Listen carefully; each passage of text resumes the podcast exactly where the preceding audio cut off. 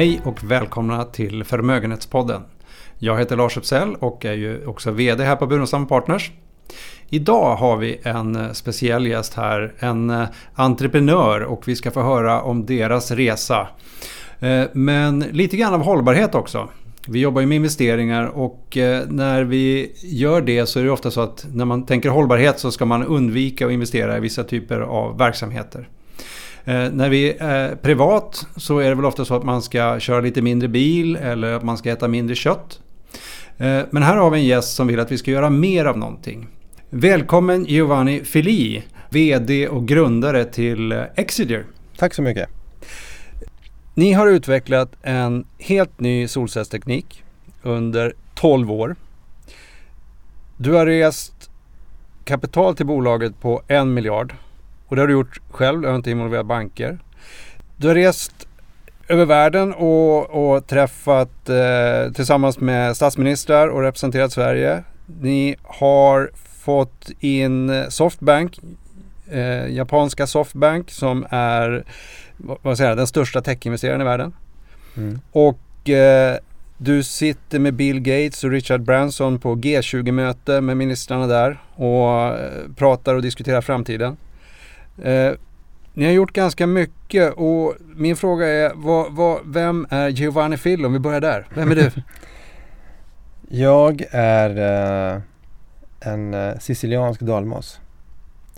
Jag är uppväxt i Mora med en eh, mamma från Sverige pappa från Sicilien. Jag är 44 år, gift, har tre barn och en fru som också är entreprenör. Jag startade mitt första bolag när jag var 15 höll på med godis. Jag har alltid hållit på med sånt som jag tycker är kul. Godis tyckte jag var kul när jag var 15. Så jag köpte mm. från Stockholm då stora partier och paketerade om och sålde. Eh, tyckte det var kul. Sen har jag haft en rad företag efter det. Flyttat till Stockholm 96, började gå på Handels. Alltid varit inspirerad av mina föräldrar. Min mamma, mamma är bibliotekarie. har alltid läst mycket. Pappa är industrigubbe. Mm. Hela sitt liv på SKF då. Jag jobbade med produktion och byggde fabriker runt om i Europa. Eh, åt eh, Ovako som det hette då. Så jag gick på Handels, eh, 96 började där, gick ut 2002, drev en mängd olika bolag under den tiden, körde hemsidor 96, programmerade sådana. Eh, hade fest, eh, arrangerade stora fester. Ja som sagt, roliga grejer har varit återkommande tema. Sen växlade jag upp efter det och körde mer och mer större affärer, jag höll på med hotell, hade ett hotell på Karlaplan. Eh, allt möjligt egentligen, helt opportunistiskt och investerat mycket i olika typer av startups sista 15 åren. Och eh, ja, startade Exiger. Jag började jobba med det faktiskt för 13 år sedan, i november, 13 år sedan är det nu. Och jag registrerade bolaget då för snart, ja, 12 år sedan är det i februari. Eh, men om man tänker, du började med godis och paketera om. Mm. Det är ganska korta ledtider där och packa om godiset och sälja. Nu har du hållit på med en solcell och utvecklat den i 12 år. Mm. Eh, och ni har egentligen inte någon produkt på hyllan än. Nej. Det stämmer Stämmer. Eh, det är ganska lång tid. Hur, hur, eh, hur lyckas man finansiera ett bolag under 12 år? För ni är ganska många anställda då? Mm. Och ni har ändå lyckats finansiera under 12 år. mm. hur, hur, lyckas man med det? Ja, du sätter huvudet på spiken. Vi hade ju en utmaning i och med att hela innovationen bygger på ett nytt nanomaterial. Så i början hade vi ju väldigt, väldigt små partiklar som nanomaterial egentligen. Och vi hade en vision om att vi skulle förändra egentligen världen med en helt ny typ av solcell som var osynlig, som skulle kunna sitta på vilken yta som helst egentligen förvandla ljus till elektricitet. Så alla typer av ljus då, ljus är ju fotoner. Så att solsken, inomhusljus, utomhusljus, skugga, all typ av ljus då egentligen. För att eh, låta byggnader, produkter, allt möjligt bli som självladdande. Eller generera, generera sin egen el. Och det är klart att sitta där med i princip ingenting och säga att om 10 till 15 år, vilket är den typiska tiden det tar, att gå från en, en eh, riktig high-tech eller deep-tech innovation då till fullskalig industri. Det är ungefär det det tar, vem man än är, vilket land man än är i, historiskt sett. Eh, och säga, förklara då att men det, här, det här kan bli riktigt bra. Investera era pengar som 10-15 år så kanske det funkar. och sannolikheten är liksom en på, ja, det är betydligt, betydligt lägre chans än att skapa en ny medicin om jag uttrycker mig så.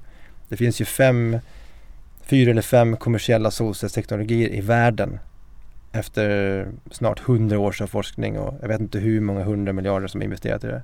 Det är en ny energikälla vi pratar om. Så att ignorance bliss. Jag var väl lyckligt ovetande om liksom hur extremt svårt och, omöjligt det här var egentligen. Men jag tror att eh, vi lyckades förmedla på ett bra sätt vart vi ville komma. Och vi har pratat från dag ett om att jag vill bygga en ny svensk industri.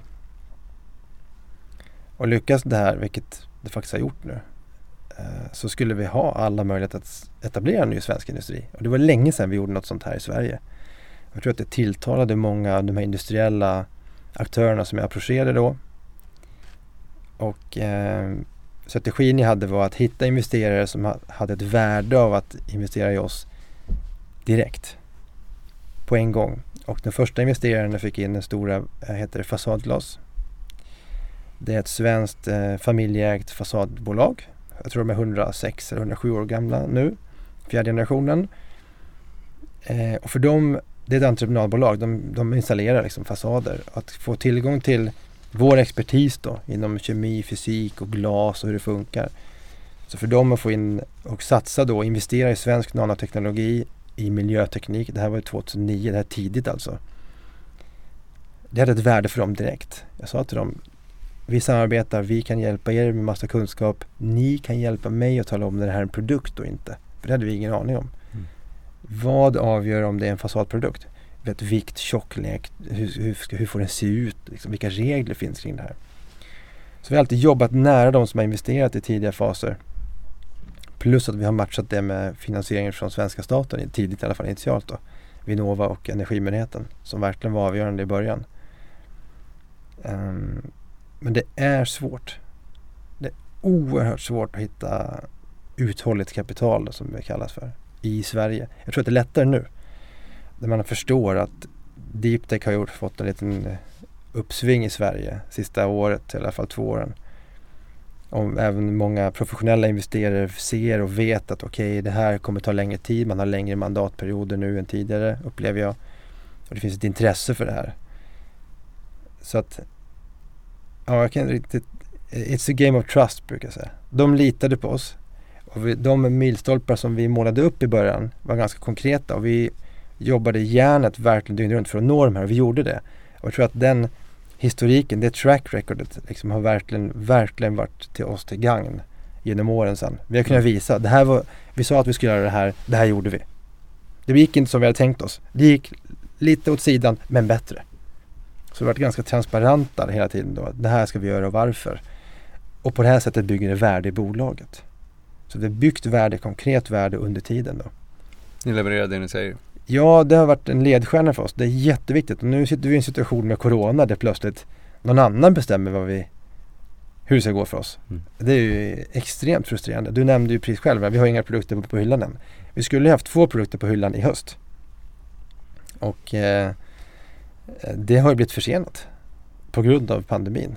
Och det är ju extremt irriterande. Men vi har styrt om vår strategi här under året. Vi har identifierat då de här problemen som de här interkontinentala projekten, vilket vi pratar om då. Där man ska jobba mellan olika kontinenter. Oerhört svårt mitt i en pandemi. Folk inte får resa. När man, om man åker någonstans så är det två veckors karantän. Och man får ändå inte träffas och så vidare. Och folk blir sjuka och är borta en månad plötsligt fast man har bestämt möte. Du struntar i corona i liksom.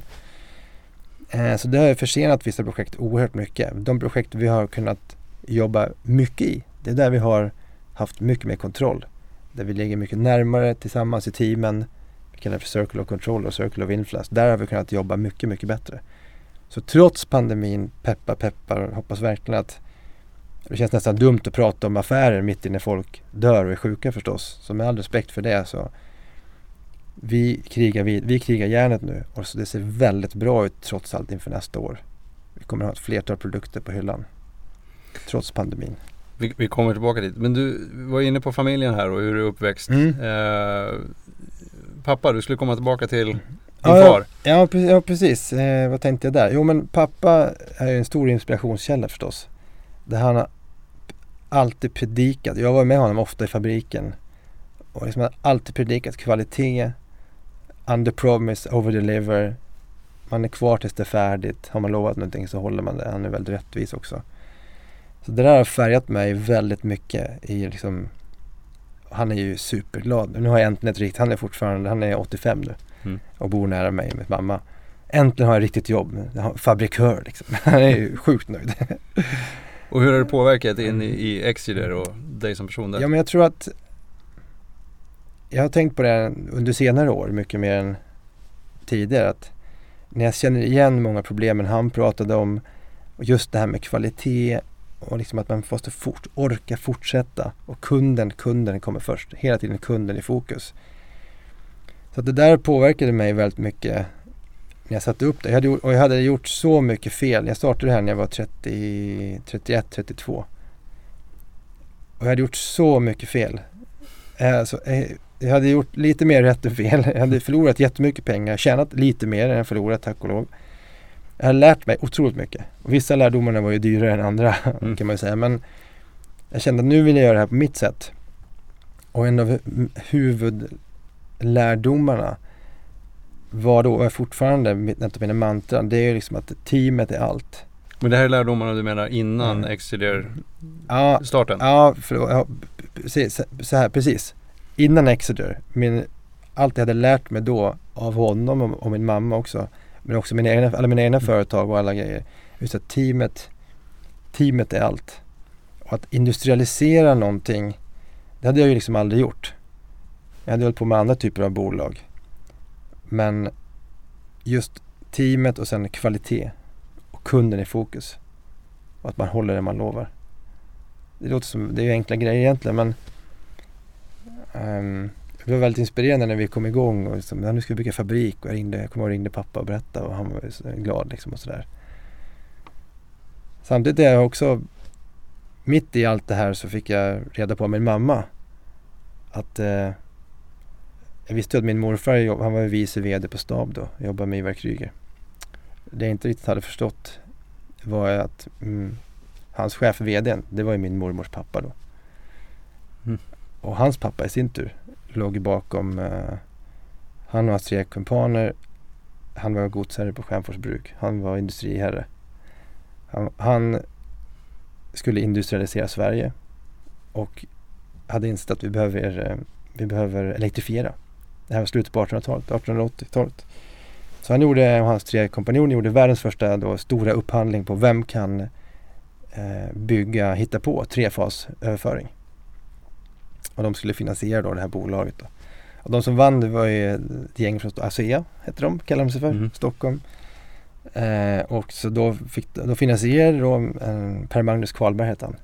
Han finansierade då med sina tre kollegor det här gänget och de hade svårt så fick de ju över sin, då från, från USA, eh, han, eh, jag tappar namnet nu, han som löste det här. Mm. Och så blev det både då trefas AC och alltså växelström och likström. Uppfördes ju där då och den eh, dammen faktiskt, där vattenkraften produceras, den, jag har en oljemålning faktiskt som jag fick av min mamma då plötsligt mitt i hela Exeter-storyn. Berättade hon det här för mig, jag hade ingen aning. Och nu får du den här fina familjetavlan då som föreställer den här, den här vattendamm, den här kraftdammen. Så den har jag på mitt kontor nu. Så det här med energi, det går tillbaka Ja, i generationer långt Ja, tidigare än vad du Fantastisk visste. mamma, kom mitt i. Nu har du förtjänat den här fjärde generationen liksom kraftproducenter. så det är Men- väldigt kul. Men du, vi, är, eh, vi pratade om en utmaning här med att resa kapital eh, för den här typen av verksamhet eller vad ska jag kalla det för, bolag. Mm. Eh, vad är det för andra typer av utmaningar som du tycker har varit med under resan? För det har ju ändå gått ganska bra. Ni finns ju kvar efter 12 år, Ja, eh, 13 år. ja, precis. Nej, vi har haft mycket tur. Eh, och så har vi jobbat extremt hårt. Det är lite Ingmar Stenmark där, ju mer jag tränar ja, precis. och jobbar ja, på det, ju, ja, ju, ju mer tur har jag. En sån här svårighet som vi har som jag tror många i min, eh, som har liknande bolag ofta lyfter upp det är ju kompetensförsörjning. Det är väldigt svårt att hitta rätt personer. Vi är väldigt, väldigt selektiva vem vi anställer. De första åren så handplockade vi alla. Vi åkte över hela, hela eh, Europa och liksom handplockade folk som vi visste vilka de var. Vi får ju oerhört mycket ansökningar och vi har en anställningsandel på i vissa fall en, alltså en på flera hundra. Och det är för att vi har ett ansvar. Ytterst är jag ju ansvarig fortfarande. Eh, och jag tänkte fortsätta vara det så länge jag får förtroendet. Eh, vi har, vår, vår strategi, det är det svåraste att hitta rätt personer. Det är det svåraste. Och varför är det så viktigt? Jo, för att, för att vi ska kunna springa. Det här var en av mina learnings från mitt liv innan det här. Liksom att, jag kan springa ganska fort. Jag kan trycka rätt hårt. Jag kan jobba extremt hårt under långa perioder och jag är väldigt fokuserad. Men det bygger på Alltså att vara ensam, jag kan inte bygga bolag ensam, inte den typen av bolag, utan jag måste jobba i team. Jag kan bara springa så fort när jag vet, när jag litar 100% på att mina kollegor springer åt samma håll, samma riktning, att vi har ett gemensamt mål alltså. Och att de gör sina arbetsuppgifter lika dedikerat på sitt sätt, behöver inte alls göra på mitt sätt. Men de behöver täcka upp sin del. Bara då kan jag fokusera på att verkligen maxa. Jag brukar säga det som, som i ett eh, fotbollslag. Vanlig, riktig fotboll eller amerikansk fotboll. Liksom. Du vet att du behöver springa allt du kan till den tomma ytan för att hinna före backen. Du har inte tid att springa och titta. Får jag den här passningen nu eller inte? Du måste springa på den ytan. Och mittfältaren, hon eller han, måste veta att någon kommer springa på den ytan. För det finns inte tid att vänta på att någon börjar springa. Utan passningen går samtidigt som löpningen går igång. Och i amerikansk fotboll, det är ett bra exempel. Du blir ju tacklad sönder. Du måste springa allt du kan direkt. Och va, precis när du kommer fram till rätt position, då vänder du om och tar emot bollen. Vi brukar prata om 5% understanding, 5% förståelse för vad vi gör internt. Och 95%, 95% trust och tillit. Jag vet vad, alla är överens om vad vi ska göra och varför och vad målet är. Jag behöver, inte, jag behöver sen inte kunna alla andras jobb. Det verkar ju dumt. Men jag behöver förstå vad de kan. Så jag har en samlad, en samlad förståelse vad vi på aggregerad nivå kan. För då blir allt ditt blir mitt. Och allt mitt blir ditt. Vilket skapar en otrolig kraft. Och så rör vi oss runt de här 5 procenten. Där är vi stenhårda. Det är den, och det är den, det här kallar vi, det här är vårt DNA. Och det är det tror jag som jag har varit bra på att förklara för investerare och för personal. Så jag säger precis samma sak till, till en nyanställd som jag säger till någon som ska investera 200 miljoner kronor. Så vi har liksom en stringent strategi. Den är lätt att förklara, den är väldigt svår att, att leva efter förstås. För den kräver ju en enorm eh, koncentration och stringens. Men när man väl har förstått det, då är, inte, då är man inne i det. Då känns det bara bekvämt. Det känns inte alls jobbigt. För det innebär också att alla får otroligt mycket frihet. Så litar vi på varandra. Vi litar på att allt det du gör, det jag gör, det är det bästa för bolaget. Alla springer mot den öppna ytan? Ja. Och gör det de ska? Rätt, inte alla. Rätt personer springer mot rätt yta. Andra kanske backar hem och täcker upp om någon ska slå passningen. Och det är lika viktigt att någon går och hämtar bollen eller någon gör alltså, Så vi är i det här laget där man har definierat sin position. Alla måste förstå varför är jag viktig? Varför är jag viktig för Exegers framgång? Vad är min pusselbit? Vad är min roll i det här? När alla känner det ägandeskapet, det är då vi lyckas. Det är då ni får kraften. Så då är egentligen mm. strategin, företagskultur, ja, införsäljning, precis, allting hänger ihop. Precis, kulturen är jätteviktig där. Mm. Den är extremt viktig. Ska vi gå till produkten lite mer? Mm. Den som inte finns på hyllorna än, men mm. eh, som då ska komma snart.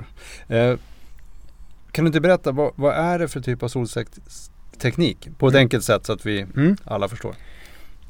De, de gamla vanliga solcellsteknikerna det är ju kiselbaserade solceller.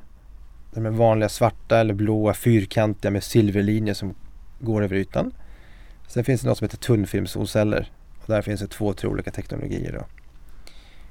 Vår teknologi bygger på, man kan säga det som artificiell fotosyntes. Så det är ett färgämne, det gröna i bladen, klorofyll då i naturen som absorberar ljus. Så har man en fotosyntes så lever liksom eh, då växten. Vi har också färgämnen som absorberar så vi kan också göra gröna celler blåa, röda, svarta och så vidare. Vi använder inte, inte klorofyll, vi skulle kunna göra det faktiskt. Mm. Men det, det lever inte så länge. Så vi har olika typer av färgämnen. Grundkomponenten i cellen är titandioxid. Det är det vita färgämnet i vit målarfärg. Eller i tandkräm eller i solskyddsfaktor, solkräm. Det är ett av världens vanligaste ämnen och det kostar inte speciellt mycket. Det är då, det printar vi tunna nanolager av och så färgar vi in det med de här färgämnena. Sen har vi lite hemliga substrat under det. Jag visste att det var någonting Ja. där. Det var inte bara... okej. Nej, så det där liksom i grunden är titandioxid med färgämne på. Det är det som är grunden för, det kallas på svenska heter det färgsensiterade solceller. Eh, DC på engelska då, Dye Sensitized Solar Cell. Så grunden är titandioxid som är infärgat. Där skapas elektriciteten. Sen måste man ha lite andra lager under som plockar ut strömmen och leder strömmen och, och sådär. Och det är där vi har uppfunnit, det kallas för elektroder. Där har vi uppfunnit ett nytt elektrodmaterial som leder tusen gånger bättre än standard elektrodmaterialen för flexibla olika typer av solceller. Och då, var, varför är det bra? Jo, för då kan vi strunta i att ha sådana här silverlinjer som korsar över ytan. Och vi printar det här, vi printar vanliga skrivare alltså. Printar vi det här materialet. Och precis som man i en skrivare hemma eller på jobbet kan printa ett foto eller en text eller en logotyp eller en frukt så kan vi också göra det. Så vi har en fri formfaktor. Det är vi de enda i världen som har. Och fri formfaktor. Så vi kan, ja, men vi kan printa då, vi kan printa en, en banansolcell som ser ut som en banan i form. Mm. Eller vi kan göra ett fotografi med olika nyanser i. Vi kan göra en fyrkantig cell, en rund cell, vi kan göra celler med hål igenom. Så vi har en fri, vi kallar det för formfaktor då, så vi kan ha en fri formfaktor plus att vi kan göra själva ytan med massa olika strukturer på. Över hundra olika strukturer. Så att det kan kännas och se ut som läder, som borstat stål, som trä eller, eller en mängd andra då, eh, strukturer. Så de här kombinationerna gör ju att vi kan vara med i produkter som du redan köper ändå. Trådlösa hörlurar har vi pratat mycket om. Det kommer komma nästa år, det har vi, vet ju alla. Det kommer komma en smart cykelhjälm från svenska POC som är jättefin. Jag har sett den nu. Den kommer vara riktigt cool. Och sen kommer det komma en mängd andra produkter också. Där vi, vi integrerar i befintliga produkter för att låta dem bli lite bättre, lite coolare, lite tunnare kanske, lite, lite lättare, lite starkare processor i, lite bättre ljud. Eller helt enkelt bara evigt batteriliv inte behöver bry dig. Av för kanske ökad säkerhet eller massa olika funktioner. Så vi erbjuder ju en ökad kraftbudget. Vi gör ju som att eh, power budget på engelska då. Så det finns mer energi i, pr- i prylen. Sen vad du som producent vill göra med energin, det är ju upp till dig i slutändan. Men vi har ofta en meny säger vi. Ja, men antingen kan det vara evigt liv, vi vill aldrig ladda. Eller också laddar man en gång till jul, julladdningen. Och så kan du stoppa i eh, lite bättre eh, ljudteknologi här så du får bättre ljud. Och då kan du diversifiera dig från dina konkurrenter i din marknad genom att ha bättre ljud. Eller också har du nästa generations processor i och så har du världens snabbaste produkt. Och så vidare, så vidare, så vidare. Så att det vi egentligen erbjuder våra kunder det är att produkten ser ut som den gör idag. För vi integrerar oss helt sömlöst. Men de kan differentiera sig i sin kategori genom att de har tillgång till, mycket, till mer energi då. Plus eftersom vi har ett material som tar ljusenergi och förvandla till elektrisk energi, helt ren energi, så ju mer man använder produkten desto mindre laddar man då i nätet. Och så har man alltid energimix i nätet så det finns alltid ett visst mått, inte i Sverige så mycket men i övriga världen, ett visst mått av fossilkraft, så smutsig energi. Om du istället använder produkten med vår teknologi i, den heter ju Powerfoil, vår produkt. Så ju mer du använder produkten med Powerfoil, desto mer bidrar du till att återställa liksom då the carbon balance eller minska koldioxidutsläpp och så vidare. Så det där, det, det, vi hamnar ju där i liksom. Det är viktigt. Vi förstår att teknologi är helt avgörande. Vi vill att man ska använda produkterna. Mm. Har, utan mobiler och alla andra gadgets, allt vi har, så blir det mycket mindre bekvämt och man missar också, vi använder många av de här sakerna i vårt arbete. Använd dem mer säger vi. Men det innebär ju att det här är inte en, att kalla det en solcell är egentligen inte fel. Det är en eh, ljuscell. Ja, ja den, precis. Den laddar ju. Vi, vi använder ju solceller eftersom det förstår gemene man. Men den, vi har optimerat den så att den ska vara så bra som möjligt i det förväntade ljusförhållandet som produkten är i. Så att om du har en hörlur så vet man ju ungefär var befinner sig den för det mesta. Mm. Det är inte så ofta den är liksom i, i Dubais öken som man spesar kanske kiselsolceller för. Utan då vet vi att man är inomhus, man är lite utomhus, man går till bilen, man sitter på en buss, vad man nu gör. Då vet vi vad det är för typ av ljus under hur lång tid. Då optimerar vi mot det så vi kan liksom skräddarsy solcellen för att vara som bäst där. Men vi, jag tänker med, jag vet inte när jag fick min första miniräknare med så här solceller på. Det fanns väl på 80-talet kanske eller mm. är det tidigare ändå. Mm. Men varför finns inte de här, alla de här produkterna idag? Varför har det tagit så tid? Eh, de andra produkterna menar du? Ja, eller liksom var, varför har det inte kommit eh, jag tror tidigare? Att det, tror jag. Ja, jag tror att eh, jag tror att det är en kombination av faktorer. Dels tror jag att framförallt inom konsumentelektronikindustrin, även smart home och sådär, design är helt avgörande. Det är helt avgörande. Produkten måste fortsätta se ut som den gör idag. Jag vet inte hur många iPads Apple säljer nu men jag tror att det är över 40 miljoner per år. Man kan inte gå till dem och säga, vet ni vad, nu får ni ändra er design på er iPad för att nu ska vi stoppa in en solcell här. Det kommer aldrig hända. Det, måste, det är det som eh, vi landar i så ofta, liksom att det måste se ut som den gör idag. Den får inte väga mer heller, heller. får inte vara tjockare utan den ska se ut som den gör idag. Men den ska också kunna vara självladdande. Och det finns ingen annan teknologi i världen, så vitt vi känner till, och ingen annan heller, eh, som kan vara snygg, möjlig att integrera, flexibel och effektiv och går att massproducera samtidigt. Kostnadseffektivt. Det, det finns liksom bara vi. Och det, är ju både, det där är ju både bra och dåligt. Det är jättespännande att vara först på en ny marknad men det kräver ju enorma, enorma införsäljningsresurser. Vi har lagt så mycket tid på det här. För att förklara bara.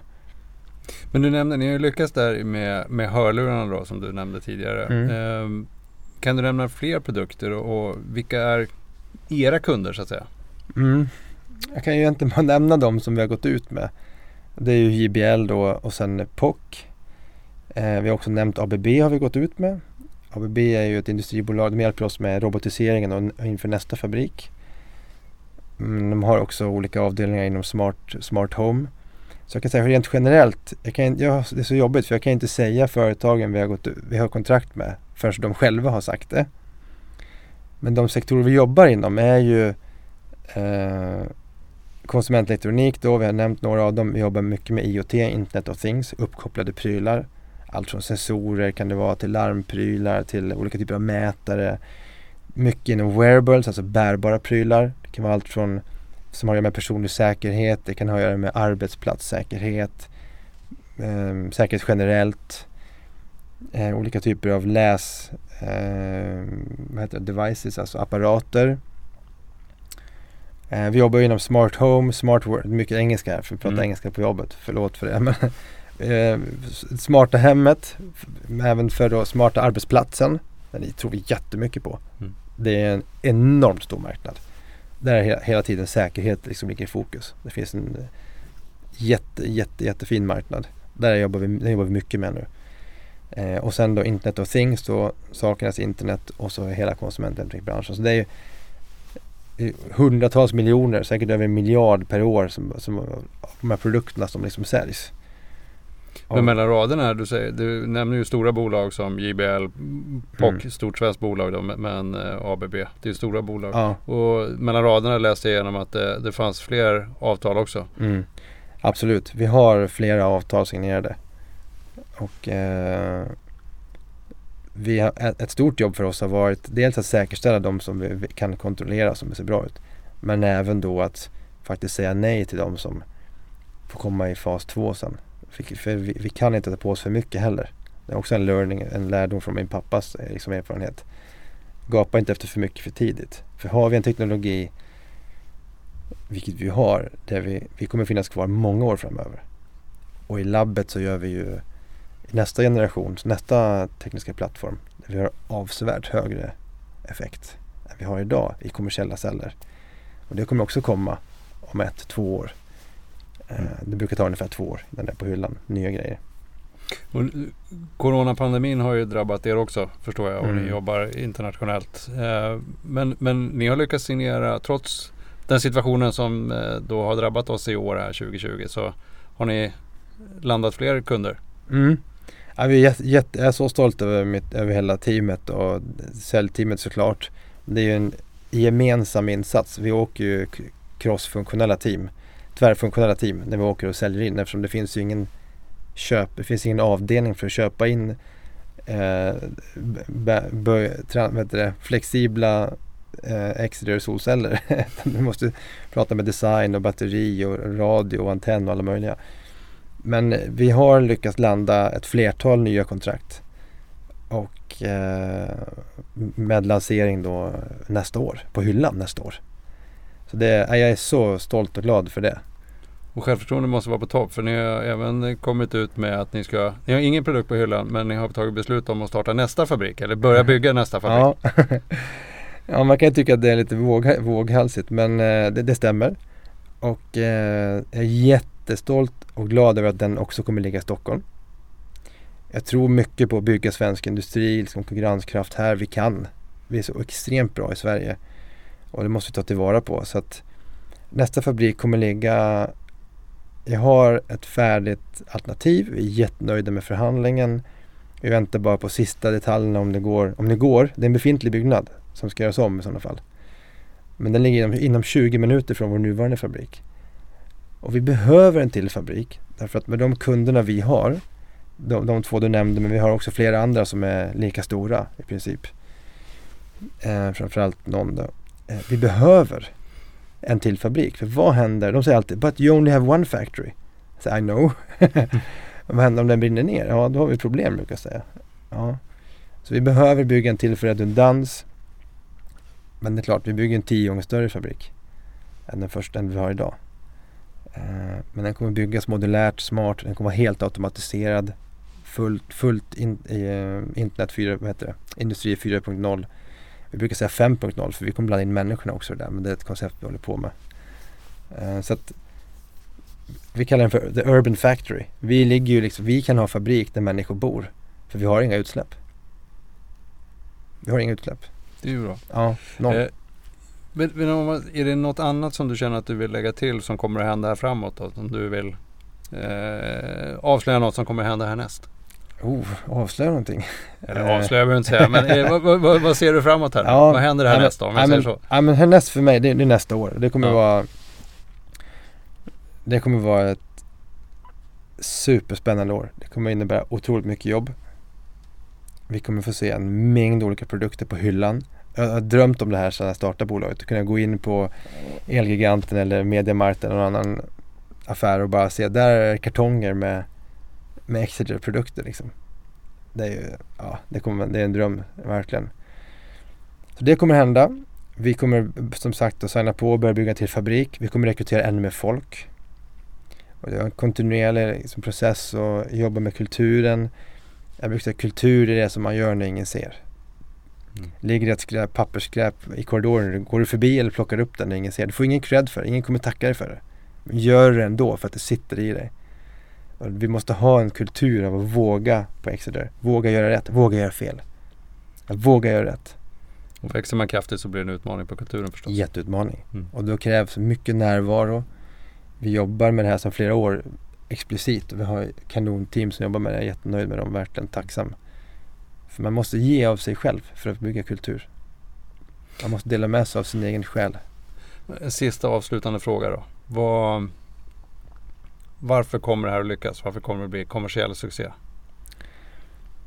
Det kommer lyckas därför att vi har kombinationen av dels en banbrytande teknologi. Det är många, många som har haft genom åren. Men det har aldrig blivit någonting. Vi har en banbrytande teknologi som folk kommer använda. Och det är det som jag tycker är nyckeln. För Man pratar ofta om disruption, disruption liksom. För mig handlar det om att man har en riktigt bra teknologi som folk bryr sig om. Som är viktig för människan. Som man använder den här. Det skapar disruption. Och det är därför vår strategi har byggt, har byggt den bygger liksom på att de produkter vi går in i, det är sådana som du bryr dig om. Jag brukar säga om jag tar din plånbok skulle du bli rätt sur på mig. Om jag tar din mobil och tömmer den på batteri till noll skulle du bli ännu surare nästan. det säger någonting om var vi befinner oss i det här samhället. Vi använder våra digitala produkter och tekniska prylar för att ja, vi kommunicerar, vi arbetar, vi betalar skatt, vi har e-hälsa, vi jobbar, vi använder dem så mycket på gott och ont förstås.